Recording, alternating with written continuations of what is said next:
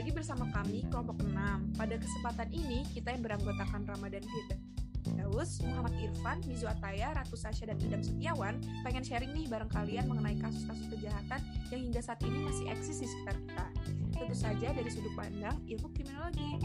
Bagi kalian yang baru saja podcast ini, selamat datang dan enjoy buat dengerin obrolan kita kali ini.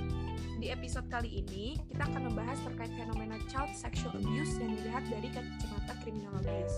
Pertama-tama, sebelum kita mulai ke bahasan yang utama, kita perlu tahu dulu dong, sebenarnya apa sih ilmu kriminologi? Ada yang udah pernah dengar belum? Nih, jadi buat yang belum, ini gua kutip pengertian kriminologi dari Wikipedia. Jadi, kriminologi itu berasal dari kata krimen yang artinya adalah kejahatan dan logos yang artinya ilmu. Sehingga kriminologi merupakan ilmu yang mempelajari tentang kejahatan dan tindak kriminal. Sebenarnya kalian dalam kriminologi ini juga mempelajari tentang gejala sosial yang ada di masyarakat, mencakup proses-proses perbuatan hukum, pelanggaran hukum, dan reaksi atas pelanggaran hukum tersebut. Nah, dari penjelasan kita tadi, kalian udah bisa paham kan apa yang dimaksud dengan kriminologi? Berkaitan dengan tema yang kali ini gue dan teman-teman gue angkat, di sini kita juga akan membahas tentang fenomena child sexual abuse dari sudut pandang kriminologinya. Isu ini tuh bagus banget buat diangkat, soalnya kan masih banyak banget ya kejadian pelecehan seksual yang kita sering dengar di berita. Dan bahkan gak sedikit kasus seperti ini terjadi pada anak di bawah umur. Jadi baiknya kita kupas tuntas aja nih, kira-kira apa sih child sexual abuse itu?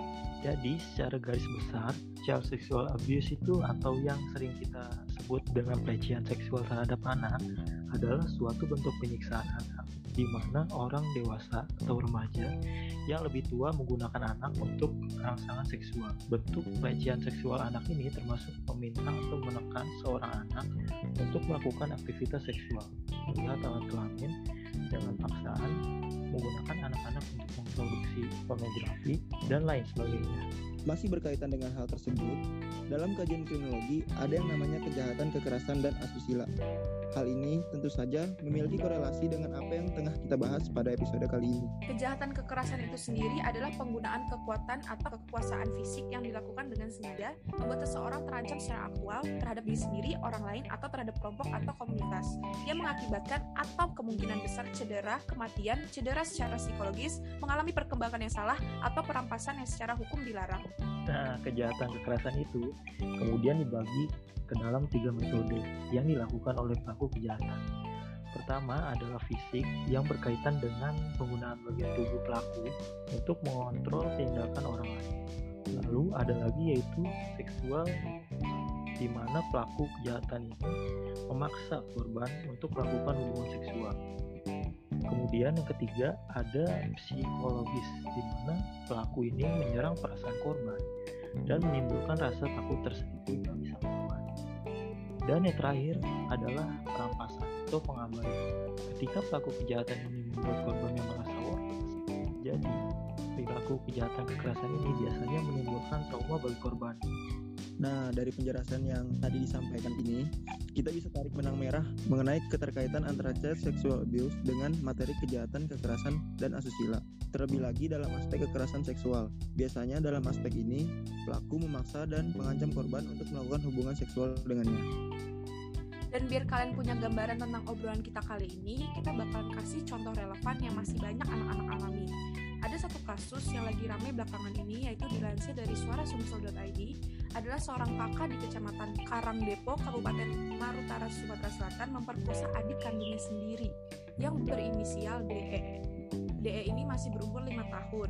Hasil penyelidikannya, sang kakak ternyata suka menonton film orang dewasa alias film porno. Hal ini dilaporkan ibu asuh korban Siti Rojia berusia 41 tahun ke polisi. Melansir dari sumselupdate.com, pelaku langsung diamankan tim reskrim Polres Muratara pada Senin 18 Oktober 2021. Pembuatan bejat tersebut terjadi pada Minggu tanggal 4 Oktober 2021 sekitar pukul 10 pagi yang dilakukan oleh US berusia 13 tahun pada adik kandungnya. Aksi asusila tersebut dilakukan di kamar mandi saat rumah sedang sepi. Pelaku terancam pasal perlindungan anak yaitu pasal 81 ayat 1 dan pasal 82 ayat 1 Undang-Undang RI nomor 35 tahun 2014 Dari kasus tersebut, kami menyimpulkan bahwa perkara ini menjadi peringatan bagi semua orang tua untuk terus memantau anak mereka selama masa tumbuh kembang. Selain itu, juga diperlukan pemantauan terhadap anak-anak dalam kesehariannya bermain dengan teman sejawat atau pergaulannya di lingkungan agar hal seperti ini tidak kembali terulang. Karena tindak kekerasan seksual itu sendiri dapat terjadi kapan saja, di mana saja, dan oleh siapa saja, meskipun anak di bawah umur yang melakukannya serta anak-anak pula yang menjadi korbannya. Dan juga dampak kekerasan seksual sangatlah besar loh. Tentu saja dari segi fisik itu sendiri sangatlah serius. Akan tetapi telah terbukti bahwa konsekuensi psikologis dan emosionalnya sering kali lebih parah dan memiliki dampak negatif yang signifikan terhadap kualitas seseorang di kehidupan masa depan. Ditambah dengan dampak pribadi dari kekerasan adalah dampaknya terhadap masyarakat dan biaya finansial yang sangat besar yang mengikutinya. Dari kasus yang disampaikan oleh kita tadi, miris banget kan melihat masih banyak anak di bawah umur menjadi korban pelecehan seksual. Para orang dewasa yang bejat ini dengan mudahnya melakukan kekerasan seksual terhadap anak di bawah umur yang notabene-nya lemah dan tidak berdaya dibanding mereka. Tentu saja, oknum seperti ini harus menerima balasan yang setimpal karena efek dari perbuatan tersebut dapat mengganggu mental dan psikologis korban, bahkan bisa memupus masa depannya. Maka dari itu juga teman-teman, kita sebagai generasi muda harus terus melakukan gerakan Stop Child Sexual Abuse demi mengurangi dan meminimalisir kasus seperti ini agar tidak terjadi di masa yang akan datang. Gimana sekarang kalian udah pada ngerti kan tentang keterkaitan antara kriminologi dengan kasus-kasus kekerasan seksual terhadap anak yang masih marak di sekitar kita? Ternyata banyak loh kejahatan di sekitar kita yang bisa banget dikaji dalam perspektif kriminologi. Nah, untuk menutup podcast kali ini, sampai segitu dulu aja ya. Kalau kalian ingin tahu lebih banyak soal ilmu kriminologi dan kasus kejahatan terkini lainnya, jangan lupa untuk mendengarkan episode-episode podcast kita selanjutnya ya. Dan saatnya kita pamit undur diri. See you guys, bye bye. See you, Have a nice dadah. day.